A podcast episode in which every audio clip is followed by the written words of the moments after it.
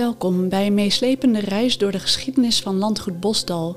Een waar gebeurd verhaal over een landgoed en haar bewoners in de achterlanden van Beek, het huidige Prinsenbeek. Jonkers, graven en baronnen zwaaien er in de voorbije eeuwen de scepter.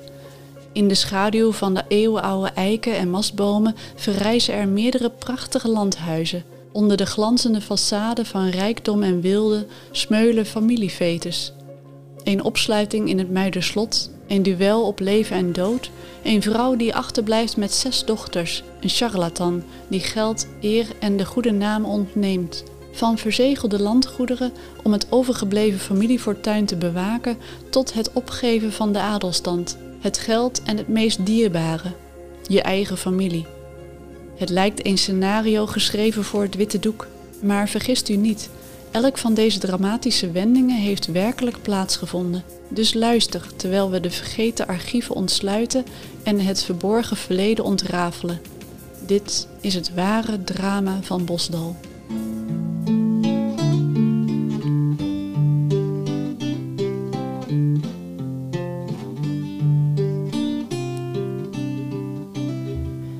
Het landschap is geheid, verandert met de tijd.